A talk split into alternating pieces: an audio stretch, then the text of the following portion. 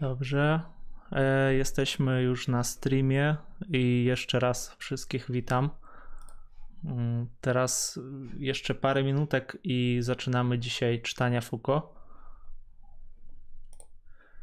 E, Tam napiszcie na Facebooku, czy słychać nas, widać nas, czy wszystko jest dobrze. Dzisiaj tak bardzo. mm, No, dzisiaj troszkę nam wyszło inaczej z tą organizacją.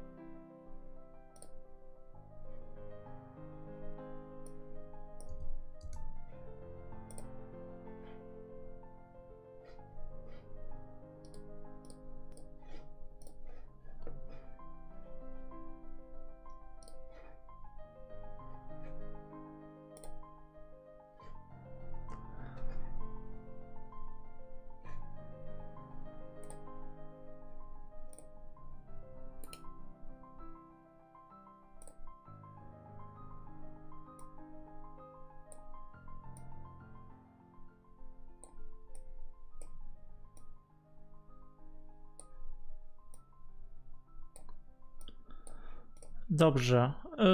y, Wszystko ustawiłem. Myślę, że możemy zaczynać i jeszcze raz cześć wszystkim na, na wszystkich serwisach, na Discordzie, na YouTubie, na, na Facebooku i w ogóle.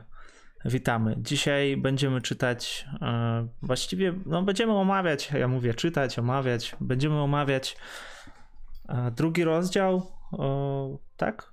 Sewerynie. No, no właśnie, jesteśmy tutaj. Filip, Seweryn, to nie wiem, wszyscy nas pewnie kojarzą albo nie kojarzą, więc e, witamy Was. Filip i Sewer. E, Będziemy omawiać drugi rozdział. Sewer. E, Wjedziemy trochę w trzeci rozdział. Dzisiaj planowo mieliśmy zrobić masę materiału. Nie wiem, czy się ze wszystkim uda. Jeśli się nie uda, to nic się nie stało. Mamy jeszcze kolejny termin, ale generalnie to powoli. No, jesteśmy już przy tych naj, najbardziej, nazwijmy to, istotnych fragmentach e, historii seksualności. i To wszystko już jest w miarę rozkręcone. Mm, Jeszcze taka wzmianka, zanim zaczniemy. E, Jeśli chodzi o omówiony materiał, to czytaliśmy Foucault również jakoś pół roku temu przy pierwszej okazji e, koronawirusa i lockdownu. Mm, Udało nam się dojechać, zdaje się, do strony 48. E, Dzisiaj mamy ambitny plan omówić do 70, więc e, dla tych wszystkich, którzy byli z nami jakoś od. e, którzy byli z nami wcześniej, to będą wszystko nowe informacje od, od tego czasu, tak naprawdę. Zobaczymy, czy z tą 70 się uda. A ja myślę, że do 61 fajnie by było, ale zobaczymy. No, zresztą ten materiał y, różnie też, y, różnie też można interpretować. No to co? Mamy rozdział kolejny: implantacja perwersji. Wcześniej, wcześniej był rozdział właściwie o zachęcie do mówienia, a to jest jakby kontynuacja, czy to jest ten sam rozdział? To jest chyba. Mi się zdaje, że faktycznie to jest, że faktycznie to jest kontynuacja. Mhm, mhm. No to jest kontynuacja rozdziału mm, hipoteza represji i w, tym, w tej drugiej części implantacja perwersji akurat e, chyba zostanie rozstrzygnięta ta zagadka, zagadka represji, czy faktycznie represja jest obecna w sferze seksualnej. E, no i oczywiście chodzi chyba o e, wiek XIX, tak? Czy o który wiek chodzi?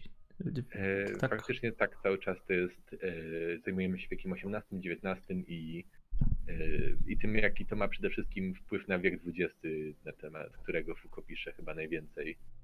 Mhm. Wspominaliśmy jakoś tam, nie wiem, to w ramach przypomnienia można wspomnieć, że jakby najistotniejsze, najistotniejszym jakby elementem analizy, którym się tutaj zajmujemy, jest przede wszystkim władza. Na przykładzie właśnie seksualności, na przykładzie pewnego nowego dyskursu, który pojawia się nie wiadomo tak naprawdę skąd być może. To jest właśnie to jest właśnie główny klucz tej książki. Tak, i tam ktoś nam napisał słabo słychać. E, nie wiem, gdzie słabo słychać, czy na Facebooku, czy. A no właśnie, to. Nie, no, no na Discordzie, na Discordzie, tak. Tak, to co powiedziałeś, e, to co powiedziałeś o tym, e, że, że będziemy, roz... będziemy omawiać ten drugi E, no, drugi podrozdział drugiego rozdziału, e, to no, tutaj znów pojawia się, no mamy właściwie co? Mamy e, kolejny raz powiedziane, że, że jest zachęta, tak? Może przypomnijmy sobie ten materiał cały w ogóle, bo tak Foucault mówi coś takiego, że tak, że mamy hipotezę represji e, seksualności, e, która pojawiła się w wieku, mm, no znaczy w wieku XIX, gdzieś mniej więcej XIX wiek, XX, E, hipoteza ta polega na tym, że po prostu mówimy, że jesteśmy represjonowani, że władza, e, taka władza instytucjonalna, można powiedzieć też e, przez różne dyskursy, próbuje nas ujarzmić.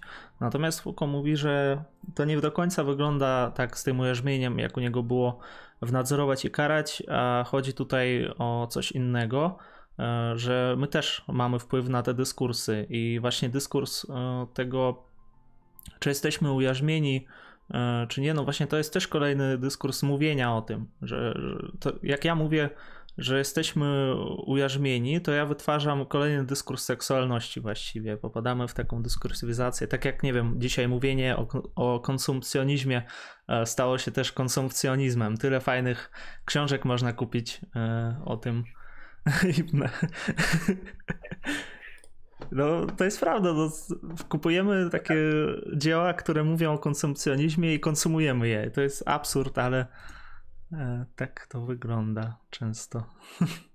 Dobrze, że wspomniałeś na temat tego ujarzmienia, bo to jest faktycznie e, jakby również wcześniej o tym wspominałeś podczas pierwszego czytania, e, ale jakby historia tworzenia się tego słowa to we francuskim to zdaje się pochodzi z właśnie z z ja, jeśli dobrze pamiętam. Tak, e, tak. Nawet jest zapisywane jako u ja brzmienie. Może ja zapiszę na e, streamie. No to jest tak, ujarzmienie i ja jest kursywą. Mhm. I tutaj również jest taki fragment na ten temat. Jeden z niewielu przypisów w ogóle Banasiaka, czy Banasiaka, czy drugiego tłumacza, bo tutaj dwójka tłumaczy była. Mhm, mhm. No tak, ale przechodząc do samego stricte, do samej hipotezy represji, e, czy chcesz coś jeszcze wspomnieć, e, Filip? E, myślę, że jeszcze po drodze będziemy coś tam. W ogóle piszcie tam pytania albo zadawajcie do nas jak coś, to postaramy się odpowiedzieć, bo jak zawsze pewnie są nowe osoby. Kto nie wie, to czytamy tak, czytamy historię seksualności Michela Foucault, strona 39, to jest początek, ale to nie jest ważne. Omawiamy po prostu cały rozdział, jak to, jak to tam idzie. No, postaramy się chronologicznie może jakoś skupić się na tym. tak, tak. Tak, tak. Mhm. To na pewno pierwsze co, W sensie to się rzuca trochę w oczy na tej stronie 40, przynajmniej mi. Wspominaliśmy o tym trochę ostatnio, na temat jakby transformacji właśnie tego dyskursu, wokół którego się e, rozumie seksualność jako taką. To jest właśnie kolejny, że e, na temat obowiązku małżeńskiego tutaj zdaje się ktoś wrzucił ostatnio na Discorda. To była Malia Day. Tak. Jeśli dobrze rozumiem. I to, był, to była audycja Radia Maryja i niestety nie miałem okazji e, wysłuchać jej. Wczoraj nie miałem czasu. Mm, ale Maria, ja niestety też nie wysłuchałem. Tak. Ale to tak. Cały czas. To jeśli byś mogła e, jakby coś bardziej rozwinąć e, w ten temat, niekoniecznie teraz, może po prostu podczas czytania, jeśli coś się takiego przypomni, co faktycznie padło tam istotnego, to e, bylibyśmy wdzięczni. Ty napisałeś, tutaj właśnie ten komentarz się pojawił, może przeczytam go w całości. Mhm. Odnośnie obowiązku małżeńskiego w tym rozdziale i tak dalej, przyszła mi do głowy sławna audycja Radio Mary, jak być dobrą żoną w sypialni. E, trwa długa, jest pełna złota krążyła po internecie, typu w niektórych krajach Europy pozwolono na małżeństwa międzygatunkowe. Mediolanie kobieta wzięła ślub sama ze sobą.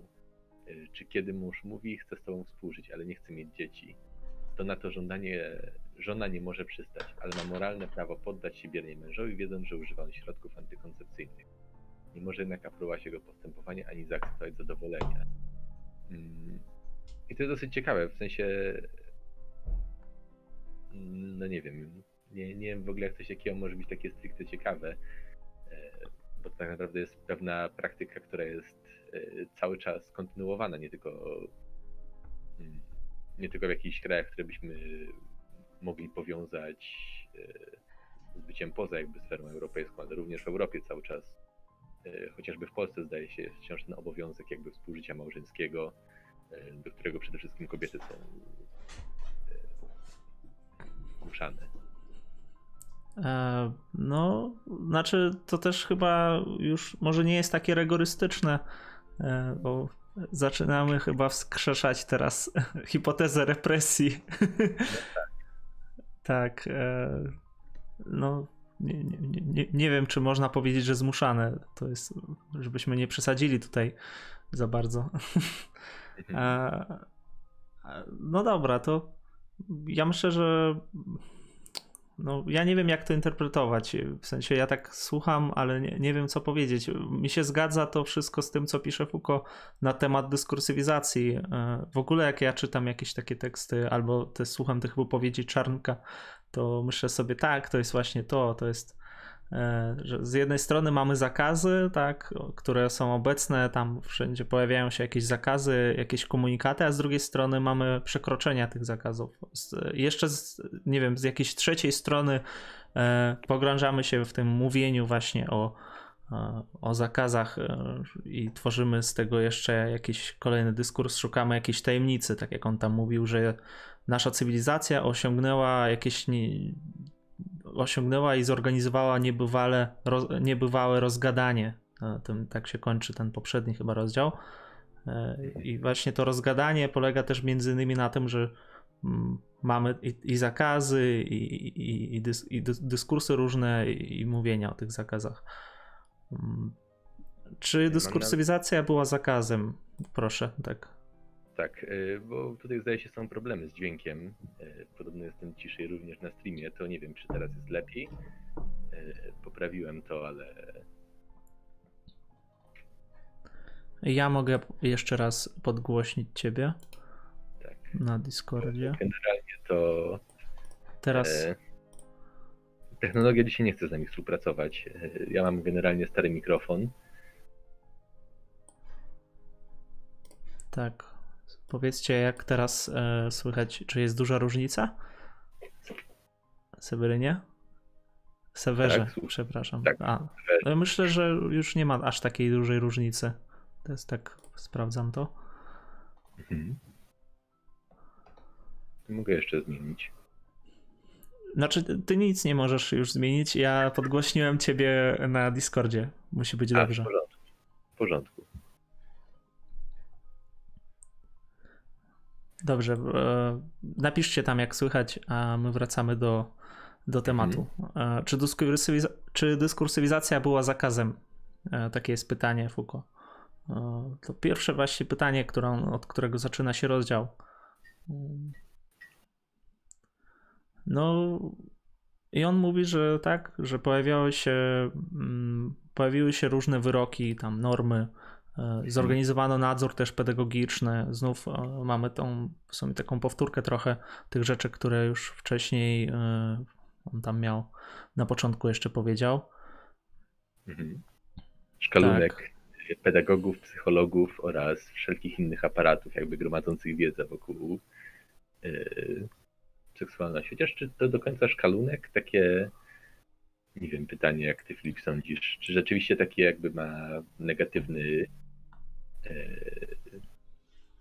no, wiesz, jak on wymienia e, od razu tyle rzeczy naraz, to wydaje się, że to, to się staje takie bardzo groźne po prostu. On, e, on strzela po prostu tymi nazwiskami, e, tymi, no, nie wiem, dyskursami, które osaczają seks i jakby czułeś się atakowany przez różne fakty. Cały czas coś, coś tutaj pojawia się i tak, i tak, i tak. Natomiast na pytanie, czy zakazy, e, zakazy w sferze seksualnej e, spowodowane tylko właśnie tą troską o liczbę ludności, on mówi, że nie wiemy. O, na początku myśmy przyjęli taką hipotezę i, i na początku faktycznie E, no tak, są, są takie zakazy, ale to nie znaczy, że tylko z nich się składa ta dyskursywizacja. Jeżeli wiek na przykład XIX, e, znaczy XVIII był takim wiekiem, gdzie jeszcze były jakieś zakazy, albo no jeszcze nie było tyle dyskursów i był bardziej surowym takim wiekiem, to wiek XIX E, tak jak on mówił, że tam pojawia się wiele dyskursów, że od razu wybuch po prostu, e, wybuch tych dyskursów tak odbywa się. E, I mówi, że ta seksualność, ona, się, ona zostaje rozproszona tutaj tak horyzontalnie, można tak powiedzieć. Mm.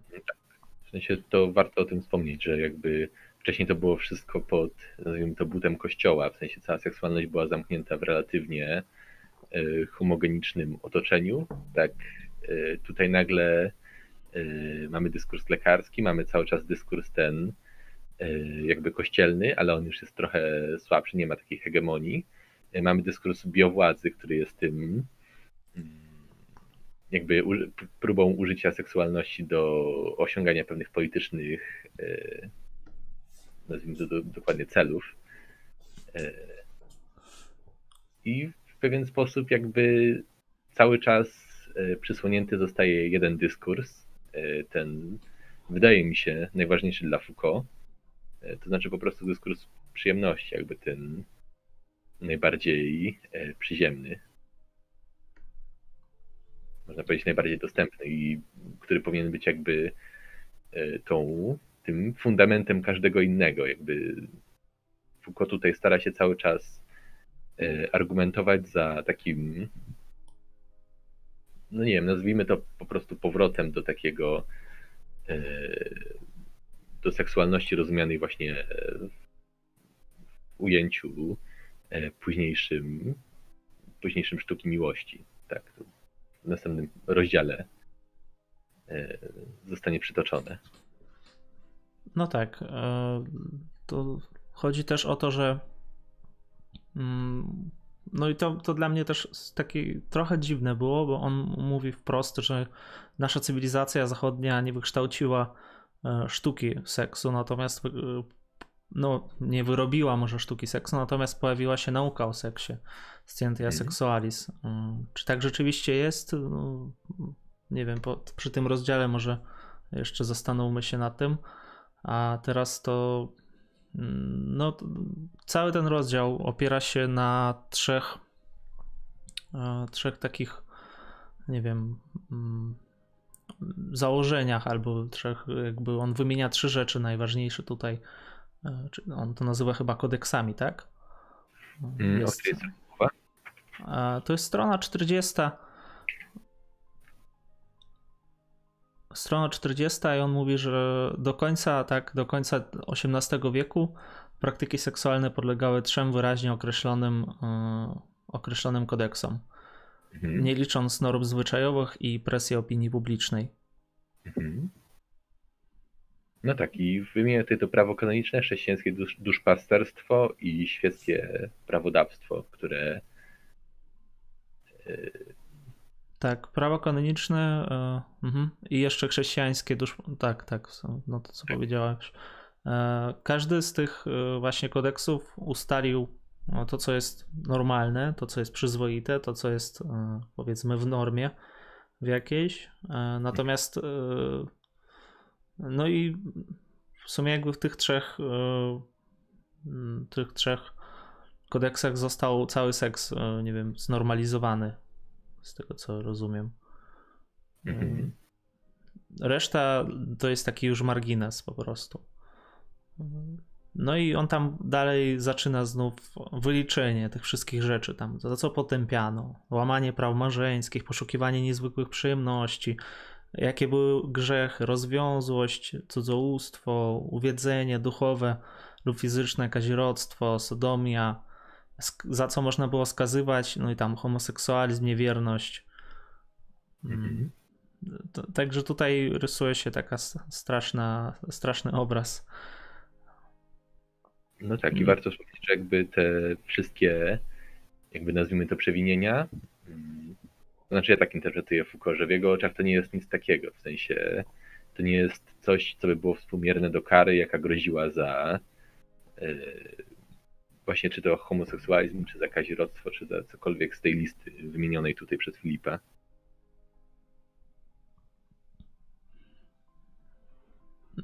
No, on też, on mówi, że faktycznie no nie możemy mówić tak, że za każdy występek od razu tam skazywano. Mhm ale mówi, że no na przykład o tym chrześcijaństwie, jak on mówił, że zakazywano tam onanizmu e, i to było uznawane za jakiś e, grzech, że to było nienormalne i można było tam dostać jakieś kary. I mówi, ktoś by mógł mi tutaj zarzucić, że przecież nie zawsze tak było. E, a później dodaje, że no ale to jest przecież ideał jakiś, żeby, te żeby trzymać się tego zakazu. Ale mówi, że no na przykład o tym chrześcijaństwie, jak on mówił, że Ktoś tutaj mnie włączył jeszcze raz. Yy, chyba już jest w porządku. Dobrze. Hmm. Ciekawe jest to, że to wszystko jakby zostaje zgrupowane pod e, taką nazwę e, występku przeciwko naturze, czy zbrodni przeciwko naturze. Jakby to wszystko zostaje podpisane pod naturę, podczas gdy, no to jest ciekawe dlatego, że filozofowie odnosili się do natury jakby od od zawsze i to było takie jakby jeden z takich bardziej powalnych argumentów, że coś jest naturalne albo coś jest jakby e, to, to znaczyłoby, że coś jest pewne albo nie należy tego zmieniać, czy nie ma sensu tego w ogóle zmieniać. No tak. E, właśnie z tą naturą, co jest ciekawe. Szkoda, że on tego nie pociągnął. E, ja bym chciał dowiedzieć się coś więcej na ten temat. E, ale on mówi, że nawet natura stanowiła też swojego rodzaju prawo. Czyli tutaj cały czas e, wiele rzeczy, no nie wiem, można tak powiedzieć, że było, zostało oparte na, e, na jakimś błędzie naturalistycznym po prostu. Dlatego między innymi wspomina o hermafrodytach, którzy byli czymś nienaturalnym, dlatego że nie można było konkretnie określić tak, ich płci biologicznej i wskazać, kim są, więc coś w nich, jakiś pewnie diabeł, demon tkwił, tak jak u Sokratesa, daimonion.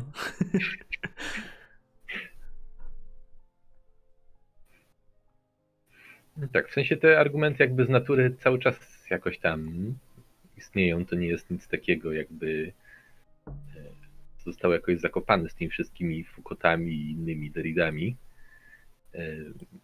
W dzisiejszym dyskursie też się często mówi, e, zależnie też od dyskursu, że jakby coś jest nienaturalne, czyli coś jest e, niechciane, niepożądane, nie ma sensu w ogóle tego utrzymywać, a to, co jakby zostaje przypisane do naturalnego, mm, to trochę Foucault o tym później pisze. To jest jakby e, to, co jest naturalne, jakby jest równoznaczne z tym, co jest jakby prawdziwe, ale w takim sensie prawdziwego przez wielkie P, że to jest ta prawda obiektywna, która w pewien sposób no, w większym stopniu przedstawiana jest jako, jako, absolutny, jako absolutna wyrocznia we wszystkich rzeczach, a okazuje się, że jest raczej e, pewną konstrukcją, która wcale nie jest ani obiektywna, ani ahistoryczna, ani nie jest jakby niezależna od e, odbiorcy w roli człowieka.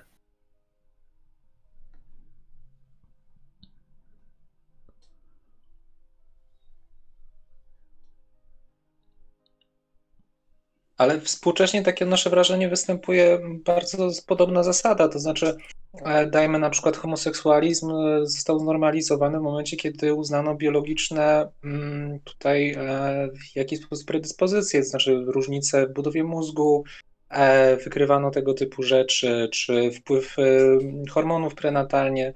No, cały czas ta komponenta biologiczna uprawomacnia to, co jest uznawane za y, normalne albo nienormalne. Mhm. To znaczy, jakby w dyskursach takich nauk biologicznych, to tak, na pewno. Mm, pytanie, na ile ktoś się kieruje, prawda, dyskursem nauk biologicznych, bo rzeczywiście dzisiaj to jest, bym powiedział, najbardziej dominujący, jeśli chodzi o jakby, no nie wiem, determinację tego, co jest naturalne, a co nie. Mm. Ale równie dobrze Ale tak y, publicznie, rzecz biorąc, w, w dyskursie publicznym, e, jeżeli mówimy o e, osobach e, niebinarnych czy osobach transpłciowych, też taki najbardziej prymitywny i taki najbardziej siermierzny argument prawicowy polega na tym, że są chromosomy takie i takie i tutaj nie ma dyskusji, czyli znowu biologia jest dalej uznawana za najwyższy rodzaj argumentacji. Mhm. No tak, tylko. Biologia, że... czyli natura de facto. Mhm. No, ale to właśnie, no, czy, czy możemy wywnioskować e, z tego jakieś prawa e, moralne, właśnie z biologii? No, nie zawsze to jest takie proste. Mogę się odezwać? Oczywiście. E, to wam powiem, tu Becia w ogóle, mm, że w ogóle w sumie to nie jest nawet prawda z tymi chromosomami, że są tylko jakieś tam dwa układy, bo jest no mnóstwo różnych syndromów i jakichś no, innych rzeczy, ale to jest takie rozumienie biologii po prostu zamierzone i to, to dobrze by było o tym powiedzieć, bo to nie jest jakby bazowanie się na biologii, bazowanie się na wiedzy czy nauce, która jest, no nie wiem, jeszcze nie rozwinięta na przykład, tylko no to jest takie posiadanie swojej wersji tej nauki. Mhm. Dziękuję, dziękuję. No to jest tak. W sensie ta, to pasuje do tej późniejszej jakby tezy na temat konstruowania tej prawdy. Nie wiem, czy uda nam się dojechać do niej dzisiaj. Mam nadzieję. Znaczy, ja też tutaj nie chcę w żaden sposób zabrzmieć tak, że ja się zgadzam z tego typu przekonaniami. Ja tylko chciałem podkreślić, że tego typu rozumowanie było naturalistyczne i tak dalej są. Spokojnie. No. Tak, żeby tutaj nam grupki nie wyszło. Co się śmiejecie? Ja się śmieję, no, ja, ja się śmieję z tego, co się dzieje u nas tam w komentarzach, ale nie chcę o tym mówić. e... Coś wiem na ten temat, dobra, mówcie tak, dalej. O, tak, może... tak, tak, tak, to jest na inny, na inny stream. E, właśnie to, co mówicie o biologii, to Foucault wymienia trzy takie główne E, no nie wiem, dyskursy. W sumie znów ten dyskurs nam tutaj pojawia się. Biologiczny, medyczny. E, biologiczny to jest ten, on mówi właściwy, naukowy. Medyczny, który mówi, że to są takie oparte trochę na przekonaniach, na opiniach i ja rozumiem, że ten kościelny trzeci, tak? Mhm. I wszystkie no. trzy, no właśnie wszystkie trzy jakby mają wpływ, osaczają to, e, tutaj całą sferę seksualną. Determinują, w jaki sposób się patrzy na to. Tak, tak, tak.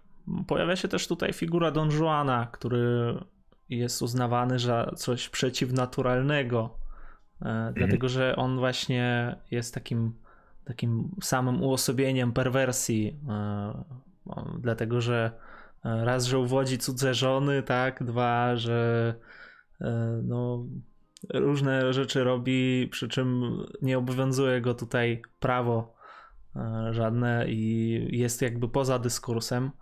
No ale oczywiście tworzy swój dyskurs i samo mówienie o Don to jest też takie e, dyskursywizowanie kolejne, jakby popadanie w tym, jak to się robi, jak trzeba to robić. Jakby zabawny jest na przykład Don Juana. Ja nigdy nie czytałem e, samej powieści, ani nie byłem na sztuce, e, ale tutaj jest opisany jako złodziej żon, uwodziciel dziewic, hańbiciel rodzin, prześmiewca ojców i mężów, E, człowiek wbrew sobie owładnięty mrocznym obłędem seksu. I to jest jakby, nie wiem, jeśli dobrze rozumiem, to Don Juan był heteroseksualny. To jakby nie wydaje się, że został pociągnięty tak mocno, znaczy ten, jakby to stworzenie owładnięcia seksem nie zostało pociągnięte tak mocno, jakby było w przypadku, gdyby był biseksualny na przykład i faktycznie by rozbijał te rodziny e, dla jakby podwójnej przyjemności. No tak. Też no tam XVIII wiek, tak? Don Juan to jest chyba XVI albo XVII wiek, o ile się nie mylę. E, mamy jeszcze komentarz od Kawki. E, dla mnie ciekawe jest to, że jak pisze Foucault, osoba homoseksualna jest zdefiniowana przez swoją seksualność, osobliwa natura, a u heteroseksualnej seksualność jest przezroczysta E, widać to bardzo w obecnym dyskursie społeczno-politycznym w Polsce, na przykład ta słynna seksualizacja dzieci, która jest na przykład którą jest na przykład widok dwóch facetów, czym, no jasne, e, podobnie, podobnie to jest w Rosji też napędzane. tak, on mówi fajną rzecz i ja to przenoszę też na różne obszary mówi mianowicie, że, że osoby homoseksualne były zamykane właśnie w swojej seksualności, to znaczy seksualność ich homoseksualności dopatrywano się wszędzie, w każdym przedmiocie, w tym co oni robią, w tym co oni mówią, jak się zachowują.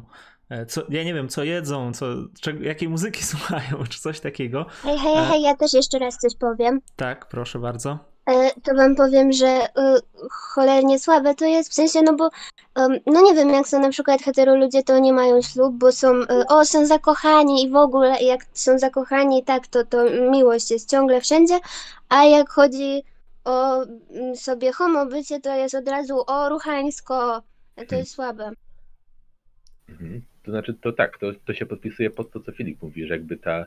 Tak, dlatego się odzywam teraz, bo się zgadzam z Filipem i taki przykład daję.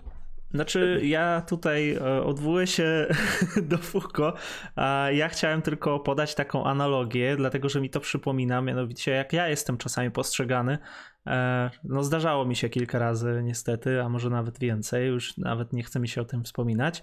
Ja jako Ukrainiec, tak, jestem postrzegany w, przez, w swoich zachowaniach, że o, patrzcie, on to zrobił, bo jest z Ukrainy, patrzcie, on tak się dziwnie zachował, on tak się uśmiechnął, a takie żarty głupie wymyśla, bo jest z Ukrainy. No i to jest właśnie podobne jakieś takie myślenie, no, a co u was tam na Ukrainie? A w ogóle macie jedzenie? No kurde, kiedyś mnie to bawiło, a teraz już no, 6 lat jestem, no ile już można. W każdym razie to jest coś podobnego, że e, no to jest tak zwana stygmatyzacja tutaj, nie? Widzimy osobę, tak, która jakoś tam się wyróżnia i na podstawie tej cechy tworzymy sobie taki cał, całkowity obraz właśnie. E, tak. E... ignorowaniu e, swojej sytuacji, jakby to zdaje się u Heideggera była ta teza, że wszyscy jesteśmy wrzuceni w świat i mamy sobie e, jakby sami, pomimo tego wrzucenia w świat, musimy jakoś interpretować rzeczywistość, ale ta interpretowana rzeczywistość to jest zwykle wszystko, co jest poza mną, ale to, co jakby zawiera się, w sensie to, co wpływa na mnie, to czy ja jestem Polakiem, czy ja jestem heteroseksualny, to jest dla mnie jako podmiotu e, przezroczyste, podczas gdy faktycznie patrząc na jakiegoś innego i im bardziej radykalnie jest on inny, e, to dopiero wtedy jakby dostrzegam te wszystkie elementy, ale wyłącznie jego, nie, nie siebie oczywiście. No tak. No.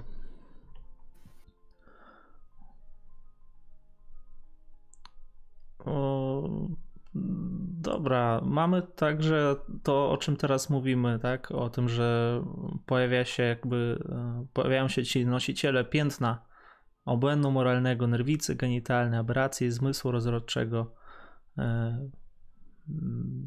I... Proszę? Ciekawy język. Tak, tak, ciekawy język.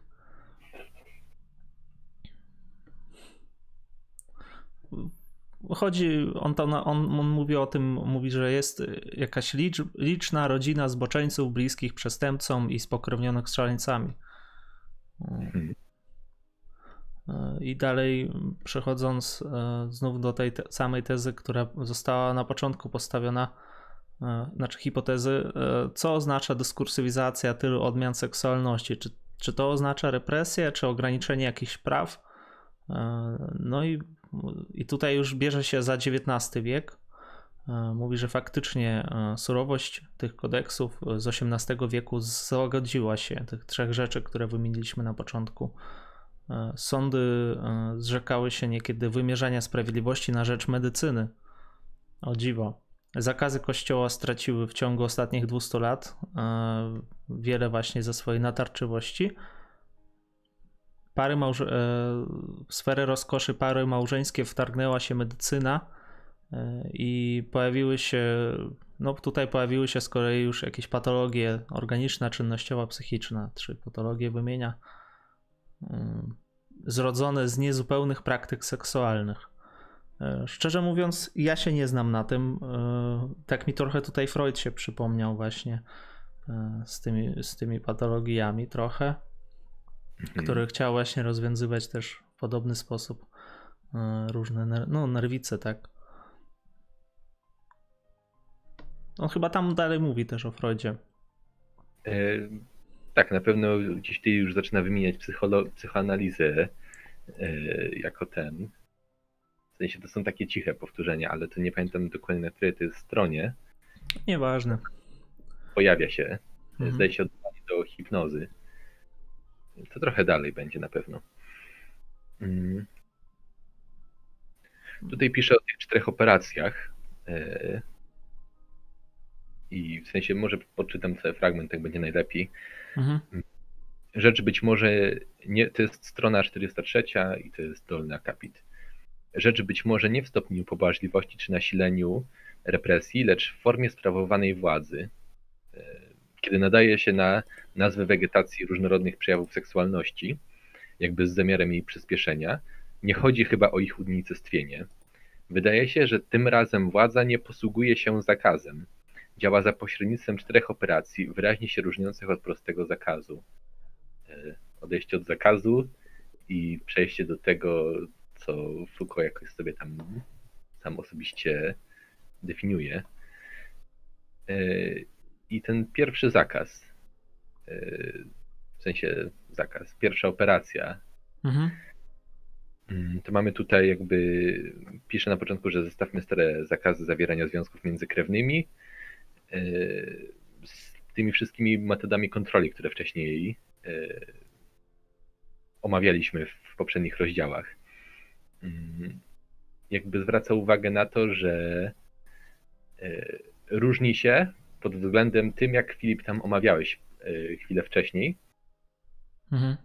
Nie, jest, nie jest to prosty zakaz, tylko to jest właśnie ten jakby kokon władzy tworzący się wokół Y, jakiegoś, jakiegoś tego, mm, jakiejś czynności. Tutaj pisze, że pedagodzy, pedagodzy i lekarze faktycznie zwalczali u dzieci onanizm niczym epidemię, którą należy opanować. Wspominaliśmy również ostatnio o tym przykładzie te, tej architektury w akademikach, gdzie jakby tym ten, to, to zwalczanie onanizacji, czy jakby ograniczenie seksualności było jednym z takich najbardziej e, paradoksalnie najbardziej widocznych elementów e, architektury.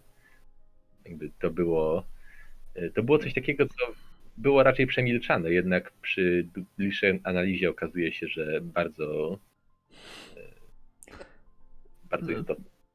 Tak, on mówi, że nieświadomie jakby nawet budowano tak, mhm. jak budowano jakieś gimnazja, jakieś tam akademiki, to nieświadomie e, te korytarze i ten nadzór właśnie tak wygląda. Znaczy, nadzór wyglądał pewnie świadomie, ale nawet korytarze i wszystko zostało tak skonstruowane, żeby no poniekąd ograniczyć albo mieć kontrolę po prostu nad tą seksualnością. Tak. To jest pierwszy zakaz. Ja tak próbowałem go jakoś ująć tak formalnie, zrozumieć o co chodzi w tym pierwszym, no nie zakazie, a organizacji, tak? O pierwszej organizacji. Jeżeli ktoś ma jakieś interpretacje, to bardzo proszę, dlatego że no najwięcej on tam mówi o, o właśnie o, tych, o tej dziecięcej seksualności i o tej nieograniczonej właśnie penetracji w sferę jakby seksualności, że określono wszystko dokładnie. E, pojawił się jakiś wielostronny reżim medyczno-seksualny, tak to nazywa. E, no właściwie nawet e, nie wiem dlaczego akurat to pierwsze, pierwsza rzecz, którą on wymienia, to jest akurat to. W sensie ja myślałem, że bardziej jakieś, jeszcze bardziej ogólne jakieś kategorie tutaj znajdą się.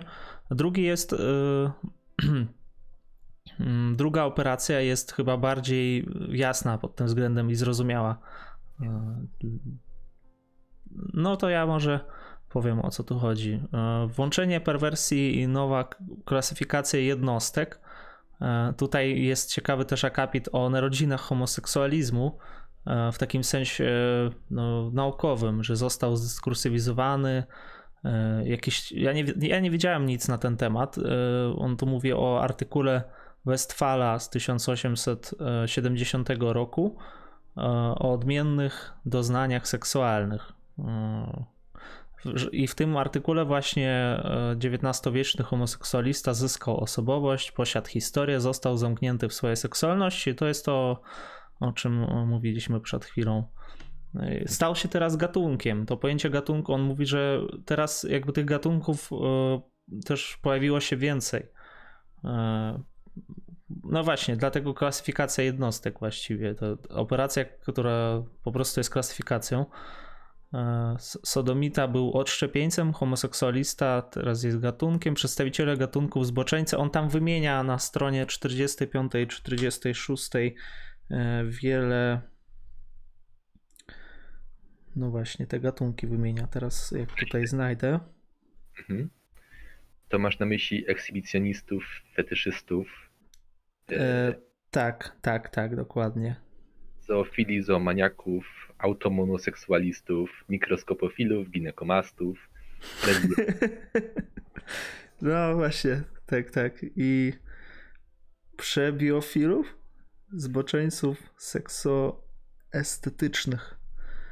Mhm. No. E, A to są w ogóle prawdziwe słowa, czy takie wymyślone przez niego? To są, zdaje się, prawdziwe. Tak, to są prawdziwe, okay. ale e, mamy tutaj. Oczywiście te definicje mogą się różnić, podejrzewam. Nam się dzisiaj, e, no na przykład, nie wiem, wiemy czym jest ekshibicjonista, wiemy czym jest fetysz, e, fetyszysta, natomiast e, podejrzewam, że te definicje mogły się różnić i, i tutaj no właśnie, fetyszyści, jeżeli fetyszyzm był uznawany za jakąś perwersję, no to dzisiaj chyba raczej nie mamy z tym problemu chociaż niektórzy pewnie dalej tkwią w jakiejś moralności skrajnej. E, no tak. Jakby najistotniejszym elementem z tej drugiej operacji jest po prostu skupienie się na tych peryferyjnych zjawiskach, e, które nie są domyślne dla jakby większości społeczeństwa, chociaż to też e, brzmi bardzo dziwnie, w sensie w jaki sposób to w ogóle zmierzyć, co jest, co jest typowe dla większości. Trzeci, mm, trzecia organizacja. Mm, o co w tej trzeciej chodziło? Mm. Trzeci to były jakby te trwałe spirale władzy i rozkoszy. Jakby yy, wydaje mi się, że to właśnie tam pisała, na pewno pisało na, o tym dalej, że jakby ta po, powstanie nowej rozkoszy, która nie, nie jest oparta na yy, stricte seksie, ale mhm.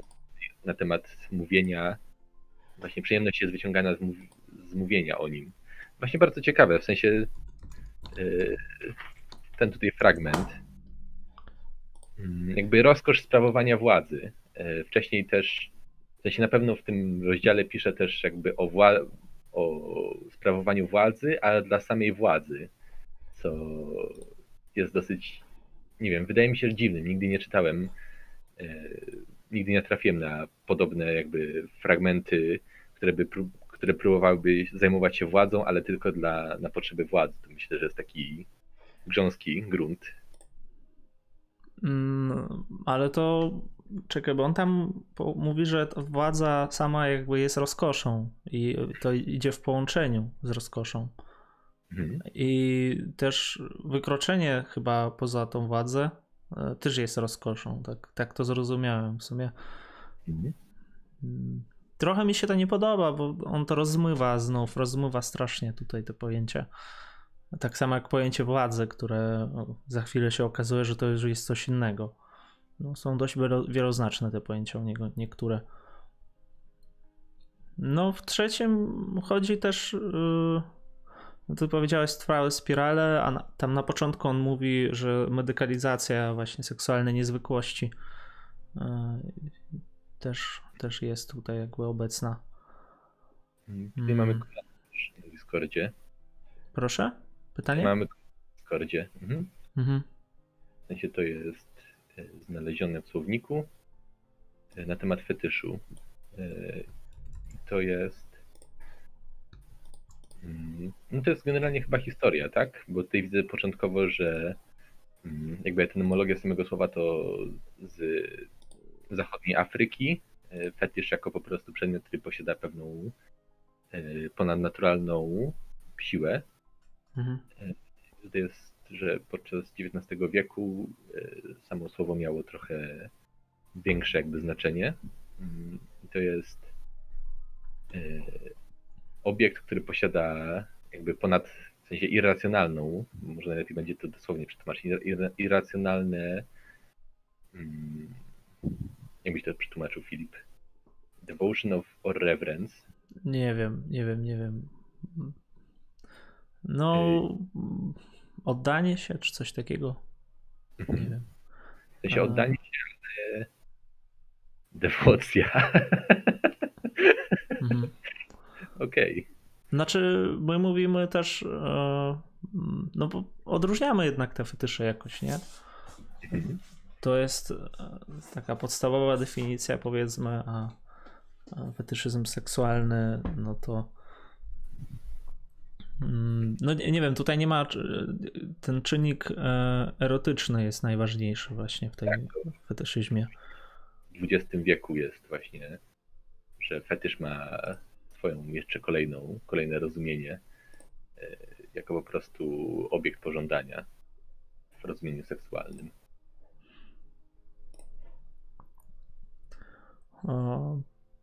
no właśnie z tą władzą, co tam jeszcze on pisze, że władza utwierdza rozkosz, sama ustala czym jest ta rozkosz i jednocześnie daje się opanować rozkoszy. Yy, czyli ona jest taka bardzo autonomiczna w swoim działaniu właśnie i daje i je daje się opanować i jeszcze sama utwierdza. Yy, trochę tak jak z kulturą wychodzi nam, że z jednej strony utwierdzamy kulturę, yy, czym jest i później ona nas utwierdza, czym my mm. jesteśmy. Czwarta organizacja. Operacja, boże, organizacja. E, wywodzą się stąd e, urządzenia do nasycenia seksualnością, tak charakterystyczne dla przestrzeni i społecznych rytuałów XIX stulecia. Chyba nie do końca to rozumiem. Mm, to jest za mocny skrót, który ja tutaj sobie napisałem. Mhm. Mm.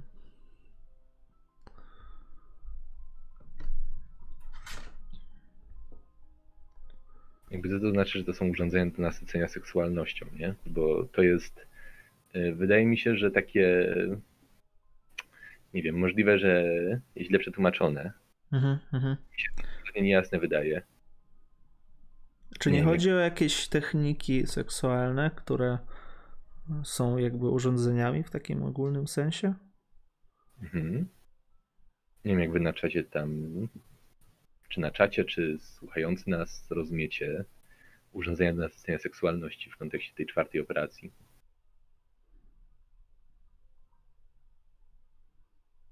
On zaczyna dalej o czym innym w ogóle mówić chyba. Tutaj o rodzinie mówi dużo. Mhm. Na temat tego dzielenia dziewcząt i chłopców znowu. Mhm.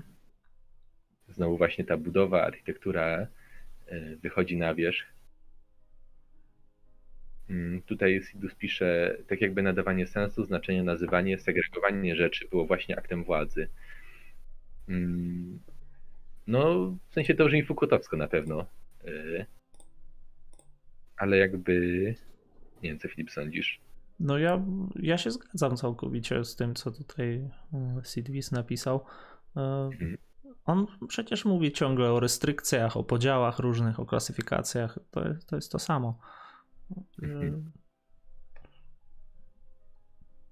Trochę mi się kojarzy z pojęciem braku w psychoanalizie. Czy mógłbyś nam rozjaśnić, e, o co chodzi tym, z tym pojęciem? Mm. Jest niewiadoma i jak się ją określi, to daje to jakiś rodzaj rozkoszy. Mm, no. Stąd przenikanie się władzy i rozkoszy. Hmm.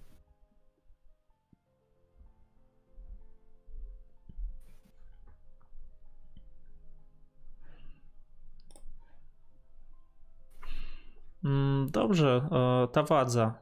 Mm, wszystko staje się możliwe dzięki władzy. Władza nie występuje pod postacią prawa, ani wywołuje następstw właściwych zakazowi. Jest ona oparta na mnożeniu osobliwych przejawów seksualności. Nie wytacza granic, lecz rozciąga, je, e, roz, rozciąga jej rozmaite formy ścigając je nieskończoną penetracją. Produkcję e, produkuje i utrwala seksualną różnorodność. No, w tym sensie tutaj władza już staje się rzeczywiście tą wolą mocy chyba, albo taką mocą, która po prostu wszystko przekształca. E, no, bardzo metafizyczne pojęcie nam tutaj się narysowuje. No ja mam tutaj taką starą notatkę e, mhm. zapisaną tego. Mm. Cenzura danej rzeczy jest zrobiona, by określać, by określone zachowania przelać na inne medium. E, tutaj akurat chodzi o interesy ekonomiczne e, medycyny, psychiatrii, ale również prostytucji czy pornografii, sądownictwa czy właśnie polityki. Mhm. Pytanie, Nawet... jakby no. w głowie wtedy pisząc to.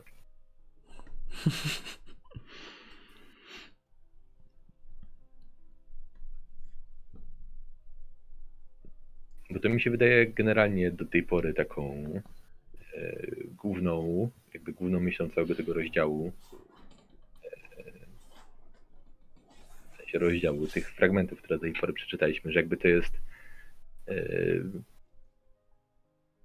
przylanie jednego, e, przylanie jakby obecnego dyskursu e, seksu, obecnego dla tamtejszej sytuacji na jakby inne medium. E, czy to będzie właśnie medium władzy, czy to będzie medium psychiatrii, czy psychologii. Mm, jakby próba przypisania tego do interesów właśnie tych dziedzin, nazwijmy to wiedzy. No, znaczy, ja też rozumiem, że to jest użytek cały czas tych dziedzin wiedzy, że to jest istotne. W sensie tak bardzo utylistarystycznie to wszystko jest potraktowane. E, żeby po prostu, właśnie tak jak u Froma był tam, nie wiem, czy czytałeś y, o sztuce miłości. On tam podawał taki przykład z kwiatkiem dość znany, że co robi wschodni człowiek, e, że on chce mieć ten kwiatek, on go zrywa i tam o, w sensie zachodni człowiek. A co robi wschodni? On pisze o nim właśnie wiersz tam i mówi, że ten kwiatuszek jest taki piękny e, i tylko chce go kontemplować. I wydaje mi się, że to pokazuje trochę, że my byśmy chcieli właśnie ten dyskurs posiąść, chcielibyśmy odkryć tajemnicę, a nie miłować go właśnie. No, to jest bardzo metaforyczne, ale y, myślę, że o to w tym chodzi też. Mm, tam dalej pojawia się znów ta, u niego na stronie 50. Rozkosz i władza nie wykluczają się, lecz wzajemnie się zazębiają, wprawiają w ruch. Z całą mhm. pewnością należy odrzucić hipotezę, iż nowoczesne społeczeństwa przemysłowe zapoczątkowały erę wzrastającej represji seksu.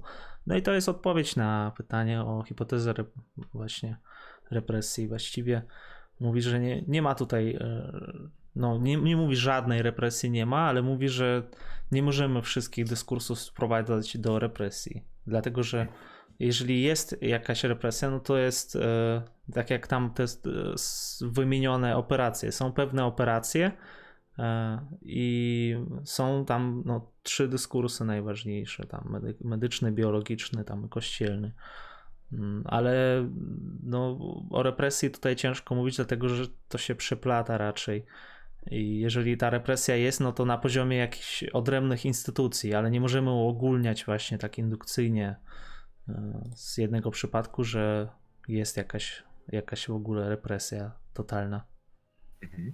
Mam tutaj taki, taką notatkę, że jakby próba wymienienia tych przyjemności, tych nowych jakby przyjemności e, i że albo tutaj wymieniam e, przyjemność z wypełnienia pewnego obowiązku, albo przyjemność związaną ze statusem społecznym, który jakby posiadam poprzez wykonywanie tych odpowiednich, e, odpowiednich skonstruowanych przez władzę działań. Mnie tutaj śmieszą na czacie, przepraszam. Nie mogę poważnie. A, dobra. No.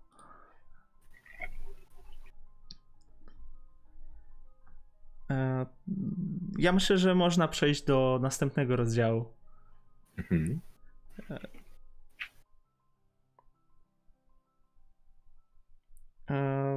Rozdział Sentia Sexualis właściwie, nauka o seksie, którą, która tutaj jest rozważana.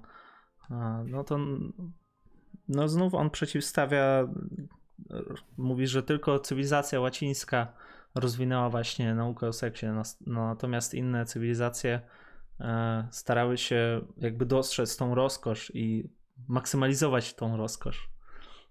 Nigdy nie, nie sądziłem, że będę cytować Froma gdziekolwiek, ale faktycznie ten fragment, który wcześniej przetoczyłeś, to genialnie opisuje chyba to, co Foucault miał tutaj na myśli, pisząc cały ten rozdział, ten kwiat y, przez zachodniego człowieka usunięty do doniczki, czy zerwany i wstawiony do wazonu z, tak. z wody.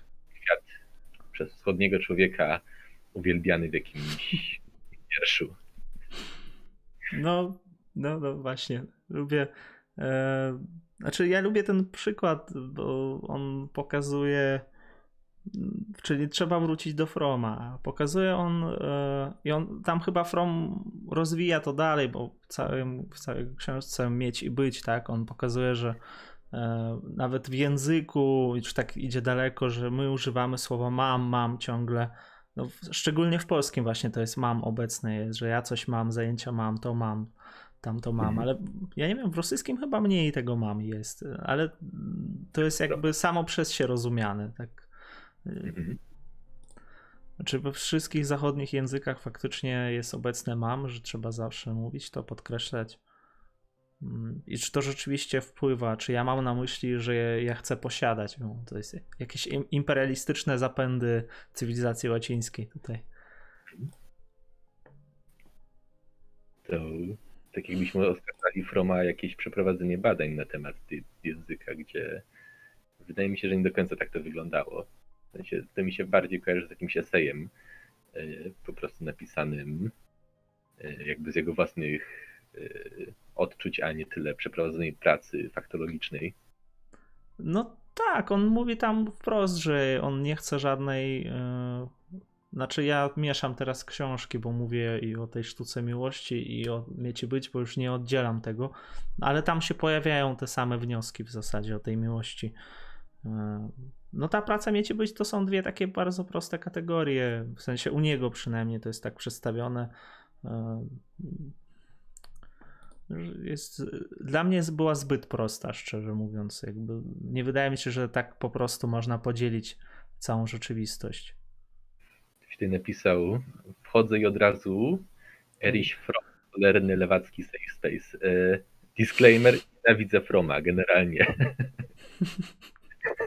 Nie uważam, żeby te książki, co cytujemy, w sensie nigdy bym ich w życiu nie zacytował, gdyby nie Filip, który przypomniał mi o istnieniu w ogóle tego człowieka. No cóż, dla mnie nie jest zły. Ja tam nie, nie żebym był wielkim fanem Froma, ale mm, niektóre rzeczy, niektóre rzeczy uważam, że właśnie tak jak te przykłady z kwiatuszkiem albo to, co on pisze o miłości, mm, one są powtarzane po prostu w literaturze o miłości. Ja widzę no bardzo, bardzo dużo takich podobieństw. No nie, mi to zawsze się wydawało takie dosyć e, oczywiste, w sensie czytanie filozofii dla mnie to nigdy nie jest czytanie jakichś oczywistych rzeczy, które już wiem, mhm. to od razu wiem. Po prostu Froma jakbym miał pomijać rzeczy, które już jakoś tam są istotne, to za wiele bym się go nie naczytał. No, tam on chyba odciął się w ogóle od tej szkoły frankfurskiej. W sensie u niego chyba, chyba tam go krytykowali. On krytykował Markuzę, Markuzę go nie lubił, później nie wiem jak tam reszta, jakie miała nastawienie do niego, ale on, im się nie podobało, że on szukał jakiejś właśnie tam naturalności, że chciał. No właściwie w tych książkach tam gdzieś jest takie wyczucie, że on e, mówi ci tam spójrz na ptaszkę, jaki piękny ptaszek, doceń to tam, wiesz, takie proste banały mówi czasami.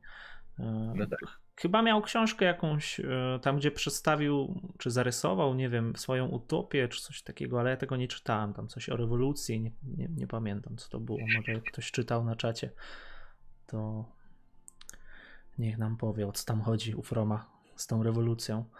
E, wracając do Foucault. Mhm. Mm. E, no właśnie, tak jak mówiłem o tej biologii, mm, no jak, jak, jak, ja to czytałem, to nawet nie robiłem z tego notatek, bo mi się wydawało wiele rzeczy już takich bardzo, bardzo właśnie on się powtarza po prostu. Mówi o tym, że tak, że, jest jakiś dyskurs, jest ta zachęta, zachęta sprowadza się do tego, że musimy prawdę o sobie wypowiedzieć. I to się mhm. u niego rozwinie w ogóle w hermeneutykę siebie. E, hermeneutyka siebie będzie polegać na tym, żeby człowiek spojrzał wewnątrz siebie i tam znalazł jakąś prawdę i on to będzie tam wiązał z Grekami, z Sokratesem, e, będzie śledził to pojęcie w różnych e, właśnie filozoficznych nurtach filozoficznych, tak? Tam zdaje się potem też będzie porównanie tego do chrześcijańskich dyskursów, ale to mhm. wszystko w tomie drugim dopiero. Aha, no tak. Wraz z tą jakby seksualnością pogan, szeroko rozumianych.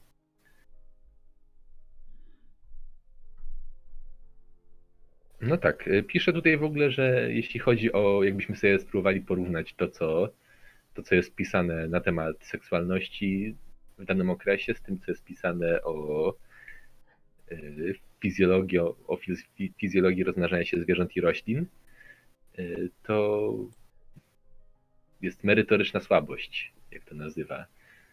Merytoryczna słabość jakby w podejściu do seksualności nie wiem, tutaj chyba warto też wymienić, ja tak przynajmniej yy, widzę to jako taki element pominięty tutaj, który jakoś tam wcześniej antycypuje, ale jakby metodologia przede wszystkim tych badań yy, chyba leży. A, czekaj, czy ty teraz mówiłaś o tym fragmencie, gdzie on mówi, że spójrzmy, no ja to tak zrozumiałem, spójrzmy na E, badanie seksualności typowo ludzkiej, tak? I na badanie seksualności zwierzęcej. Dlaczego zwierzęcą nie badaliśmy, a dlaczego ludzką badamy, tak? To jest o tym, czy? To, że badania na zwierzętach są e, ładnie, ładnie oprawione, ładnie są e, zapisane, nie są, nie są przepisywane co 10 lat, czy tam co 5 lat od zera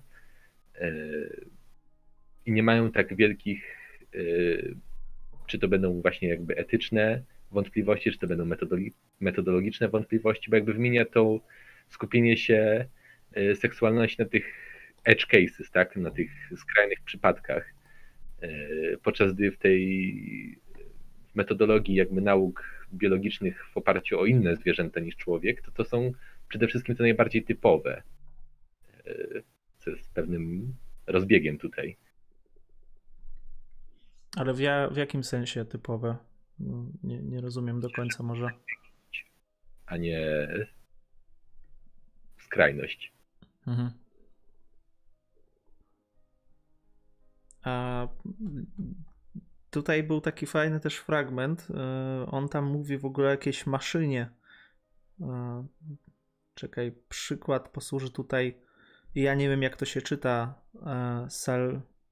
To jest która strona? Strona 54 na dole. Mm, ten drugi akapit tam jakby w połowie. Fier, Salpetriere, Charcot. O, Charcot, tak. Ogromny aparat do obserwacji. E, nie, nie wiem, nie, nie szukałem go, a może warto znaleźć, co to w ogóle, o co chodzi. I on to podaje jako przykład, e, że to jakoś tam ma współ, coś wspólnego z wolą prawdy, tak? Mhm, Czy mhm. jeszcze perypetia woli prawdy? Ukazanie prawdy. Czy to ma służyć ukazaniu właśnie tej prawdy? Trzeba nie, do obserwacji to ja zrozumiałem jako po prostu całość działań Szarko i mhm. wszystkich jakby tych jego tam asystentów notujących pilnie y, mhm. to, co podczas badań. No właśnie ja się zastanawiałem, czy chodzi o jakąś maszynę, czy y, chodzi o metodę, o metod metodologię. Mhm. Mi się wydaje, że to jest jakby rozumiana jako całościowa, yy, mhm. praca naukowa. Bo tutaj właśnie wymienia staranie yy, teatr rytualnych ataków, starannie przygotowanych za pomocą eteru lub azotanu amylu, grę dialogów. Tutaj za, za chwilę będzie śmieszny fragment na temat tej jakby yy, symbolicznej, teatralnej gry stosowanej.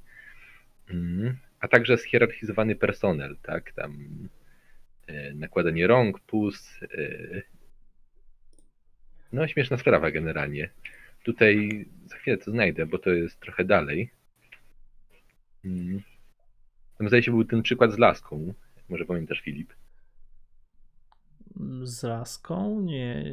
Ja tutaj w przypisie akurat e, to czytałem, on tam mówi o, o wypowiedziach, że pomijano prawdę na temat seksu właśnie. Mhm. To jest właśnie... To, co cho chorzy wypowiadali, tak? To jest to? W sensie, to co tam masz, to mów, ale znalazłem tą laskę. To może, może ta laska będzie ciekawsza niż to, co ja tutaj znalazłem. No tutaj jest na stronie 55 ten przypis. Aha. Mhm.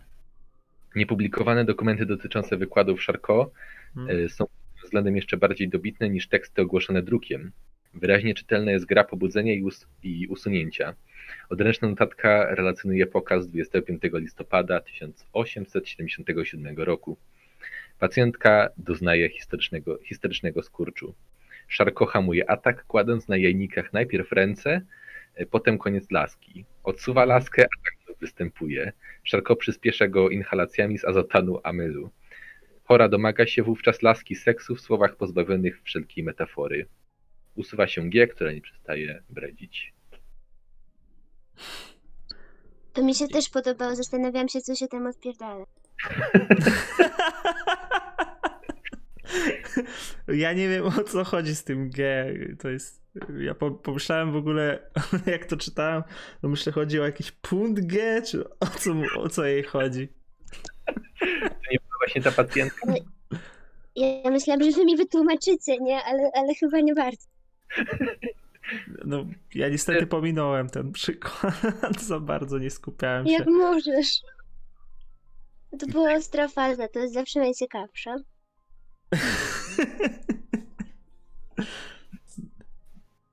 Wydaje mi się, że ta G to była pacjentka, że ona została usunięta, która już nie mogła już znieść tego, nie wiem, transu, czy jakkolwiek mhm. to nazwać.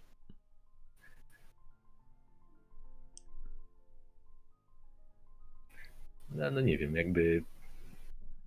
E, Kolejny tajemniczy fragment. A, tak, dalej mówi tutaj trochę o prawdzie. O i Freud pojawia się nagle. Nie należy nam wyznaczać progu nowej racjonalności, której odkrycie znamionowałoby nazwisko Freuda czy kogokolwiek innego, lecz przyjąć postępujące wykształcenie się, a także przekształcenie gry prawdy i seksu, jaką zostawił nam w spadku wiek XIX. Mhm. No i to, to będzie dalej mowa o tym, że musimy ujawnić jakby tą prawdę, wypowiedzieć i to jest taka scheda właśnie po, po XVII-XVIII wieku, e, tak zwany imperatyw mówienia. I tu dalej mamy właśnie wymienione społeczeństwa Chiny, Japonia, India, Rzym, e, e, ludy arabsko-muzułmańskie wyposażone E, właśnie w tą sztukę seksu, jak czy nie wiem, sztukę erotyzmu. Artem erotikam. Miłości albo sztuka erotyzmu. Sztuka miłości, no. A, sztuka kochania, to tak to, tak to jest przetłumaczone. Mhm. No i to, co już w sumie powiedzieliśmy o tym, że tam bardziej skupia się na samej przyjemności, tak, niż na tym, żeby jakby badać to tak, tak jak nie wiem, jak z, ty, z tymi ropuchami, tam taki naukowiec ropuchę tam bada, coś tam chce się dowiedzieć.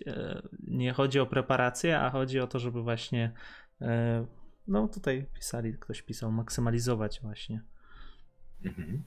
No, przyjemność, rozkosz. A, jest... no, no.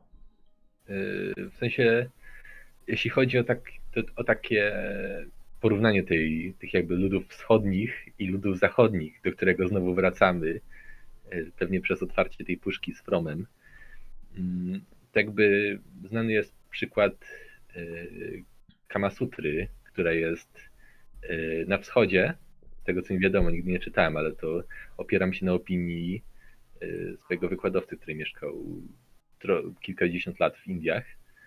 Mm, Kama Sutra jako taka to jest po prostu książka, y, nazwijmy to ogólnie miłosna, w sensie są tam, y, są tam jakby rady czy wskazówki na temat tego, w jaki sposób y, uprawiać miłość, ale jakby bardziej, szacun- bardziej rozumiane jako szanowanie, czy szacunek, czy wszystko poza, poza jakby seksem jako takim, ale na końcu książki jest tam kilkanaście stron, ze, ze wszystkimi pozycjami seksualnymi. I jakby to, co jest, to, co przeniknęło do zachodu, to są właśnie te wszystkie pozycje i wszystko, co wcześniej, co jest jakby najbardziej istotne dla ludzi wschodu, zostało kompletnie pominięte i nie wiem, czy Filip... Ej, nie miałam pojęcia, ale to ciekawe. Dobrze, nie widziałem, nie, nie widziałem też. Widzicie. To znaczy, że nikt nie, nie jest jakby e, te, te, te, też byłem zaskoczony, jak pierwszy raz o tym usłyszałem, ale to jakby pokazuje, pokazuje to, czym, że jakby ta myśl Foucault, którą się teraz zajmuje, jest cały czas aktualna, pomimo tych 50 lat różnicy. No, czyli wychodzi na to, że jakby mając, e, e mając e, tam jakiś wzorzec społeczeństwa zachodniego, powiedzmy, to to, co wschodnie, zostaje dostosowane właśnie E, do zachodu, jakby bierzemy to co, to, co jest użyteczne dla nas, a resztę wyrzucamy, tak? Mhm. Tak racjonali racjonalizujemy pewne rzeczy. Nie wiem, czy dobrze to rozumiem, to, to, to co przedstawiłeś teraz. Mm, to znaczy, jakby niektóre rzeczy bierzemy, ale przede wszystkim yy, chyba Foucault, nie, niekoniecznie w historii seksualności, możliwe, że gdzieś indziej powiedział, że Y, jakby nauka przede wszystkim tnie. To znaczy mhm. przede wszystkim ucinamy dane elementy. Tutaj ucinamy wszystko na temat szanowania kobiet i zostawiamy sobie pozycje seksualne i to jest najlepszy żart świata, który nie umiera od tych kilkudziesięciu lat.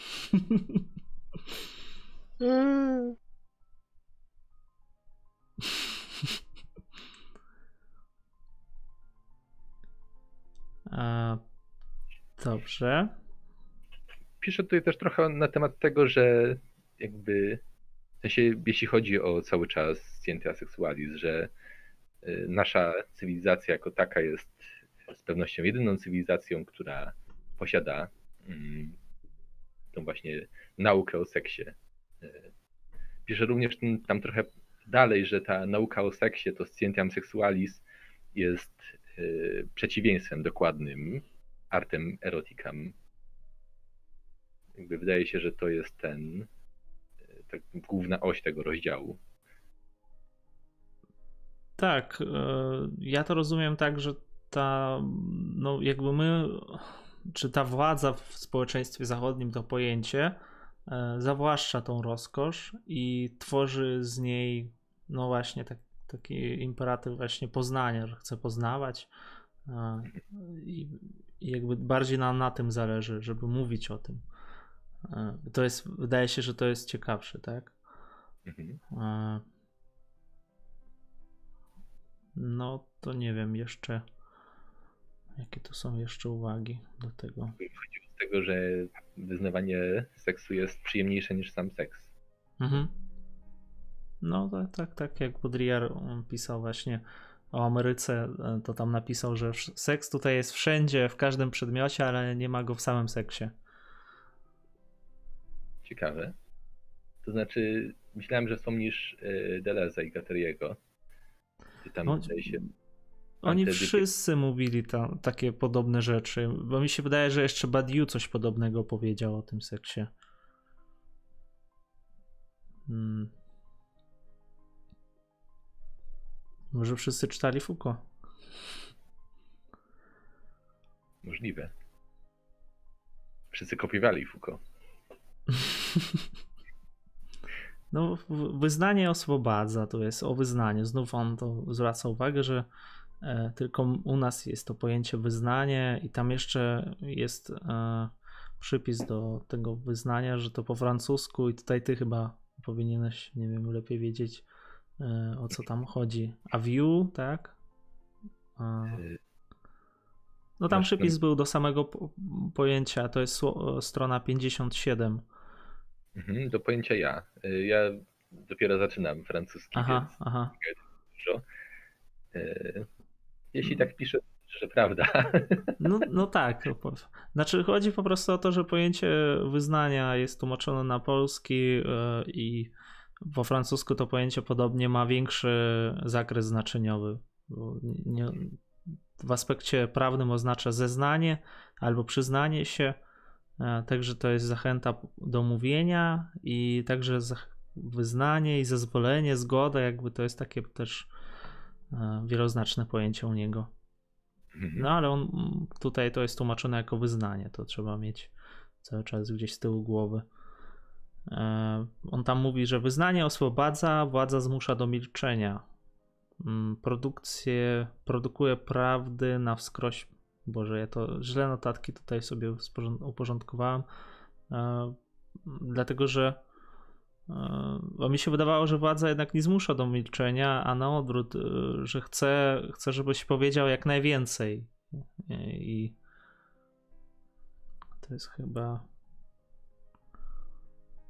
To znaczy. E, to zależy w jakiej sferze to rozważamy. Bo mhm. w niektórych na pewno jest, ta, jest ten element milczenia, ale głównie po to, żeby on był wypowiedziany w jakimś innym kontekście sensie jeden, jeden jakby, jedna odnoga zostaje zamknięta po to, żeby druga odnoga została otwarta. To mi się tak no. wydaje cały czas. Y,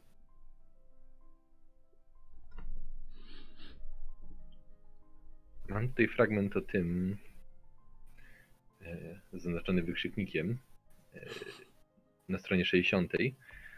Mm, jak cały czas omawiamy jakby to ujarzmienie tutaj, jest tutaj fragment. Y, otóż wyznanie jest rytuałem dyskursywnym, w którym podmiot, y, surze, mówiący zbieżny jest z przedmiotem, surze, wypowiedzi, mm, ale to również rytuał, który rozwija się w relacje władzy. Nie ma bowiem wyznania bez, bez przynajmniej potencjalnej obecności partnera, który nie jest po prostu rozmówcą.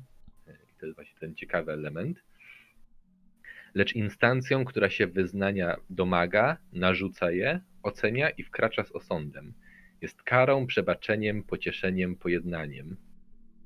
Tak. Ściana, do, do której mówię, yy, równocześnie jakby narzuca mi to, co ja mam jej powiedzieć i to, co w ogóle jej mogę powiedzieć. Yy, to rytuał, w którym prawda uwierzytelniana jest przeszkodami i oporem, jakie musiała przezwyciężyć, aby zostać sformułowana. To wreszcie rytuał, w którym sama wypowiedź, niezależnie od jej następstw zewnętrznych, prowadzi do wewnętrznych przemian osobnika ją wygłaszającego. Uniewinnia go, odkupuje, oczyszcza, zdejmuje odium winy, uwalnia, obiecuje zbawienie. Więc masa generalnie rzeczy nabudowanych na wyznaniu, e, rzeczy, które na, na pierwszy rzut oka wydają się być jakby e, nieistniejące, jednak dla Foucault to są główne elementy wyznania. No tak. E, wiesz co, ja nie wiem, czy faktycznie jest e, sens przechodzić do następnego, do następnej części tego rozdziału. Tam jeszcze, e, no, nie dokończymy po prostu tego.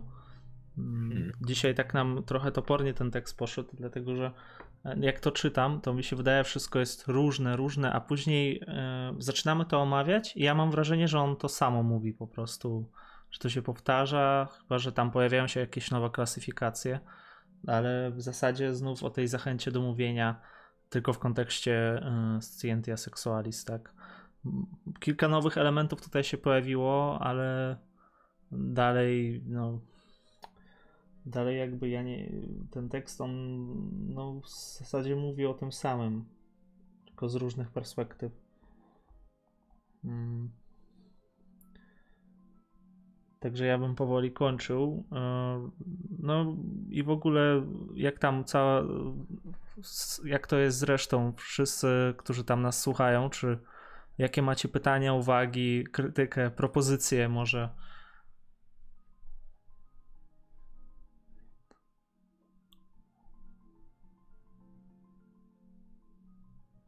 Cisza. E, Cisza. Dostaliśmy komentarz, nie kończy jeszcze. E, no, czekamy na jeszcze, żeby tutaj ktoś się wypowiedział. No dobrze. Ja myślę, że hmm, dzisiaj można takie podsumowanie zrobić tego wszystkiego, co przeczytaliśmy. E, I na następny raz będziemy właśnie omawiać, o, co tam dalej pojawia się. Kliniczne klasyfikacje, różne rzeczy tutaj. Aha, mamy komentarz, tak.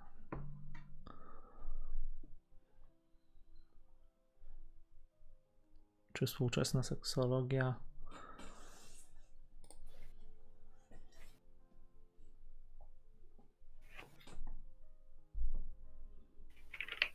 No, chyba jest, yy, o Boże, straszne słowo, które, którego się nadużywa ostatnio, interdyscyplinarna właśnie i seksologia jest pod tym względem interdyscyplinarna yy, i ona się jakoś tam no różne rzeczy tam można się, tam się pojawiają. Właśnie. Z jednej strony tam jest wiedza o kulturze, z drugiej strony mamy ten biologiczny dyskurs yy, i no, mieszane to jest. Jak, jak się idzie do seksologa, to tak trochę jak do psychologa, że różne metodyki masz później, zależy na kogo trafisz chyba.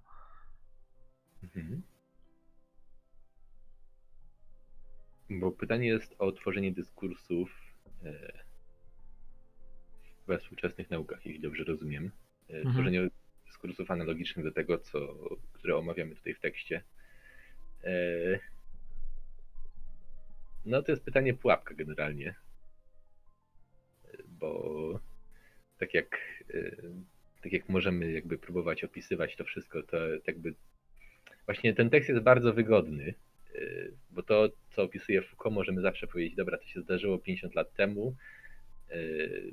Nikomu nie mówię, że ma nie iść do psychologa albo do psychiatry z problemami seksualnymi, bo to jest jakby inny kontekst i tak dalej.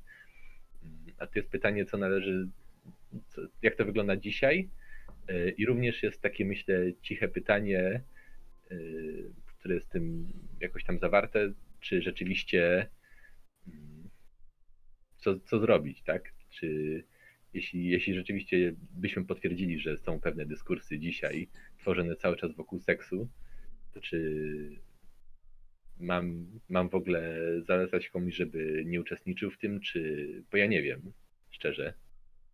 Nie potrafię pod względem takim praktycznym e, udzielić odpowiedzi na to pytanie. Już wiele razy, w sensie był, był taki okres na naszej grupce, e, pytania się antypsychiatryków, yy, Znaczy to jest e, trochę inny właśnie inny temat tutaj, dlatego że wydaje mi się, ja nie widzę nic złego e, w tym, że ktoś pójdzie do seksologa, hmm.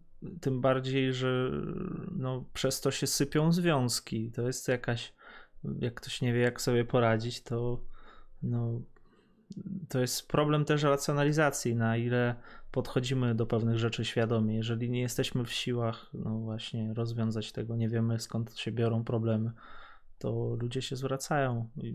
No, myślę, że to jest dobre właśnie rozwiązanie różnych takich rzeczy. Bo Foucault, no Foucault znów tak samo jak z tymi więzieniami, on, on, on ci nie powie, że dawaj, rozwalimy wszystko, E, i stworzymy od nowa. Nie. No, to jest socjologiczne bardzo wszystko, dlatego zawsze z socjologią jest tak, że ona stara się nie, no, być jakaś, jakiś dystans do wszystkiego trzymać. Oczywiście to jest tak opisane w takich groźnych formach, czasami tak się może wydawać. No.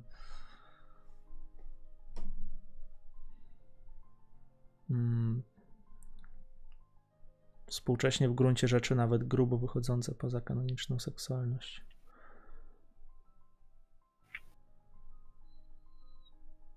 Foucault to napisał w latach 70., nie? To też mm, jakoś tam się wiązało z tym, mm, no właśnie z, tą, z tym pojęciem władzy, które on tutaj wprowadził. I mi się wydaje, że to jest jakaś tam odpowiedź e, na wydarzenie maja 68. E, tak samo jak mamy Deleza i Guattariego Antyedyp też jakaś forma odpowiedzi na te wydarzenia. Mhm. Mm.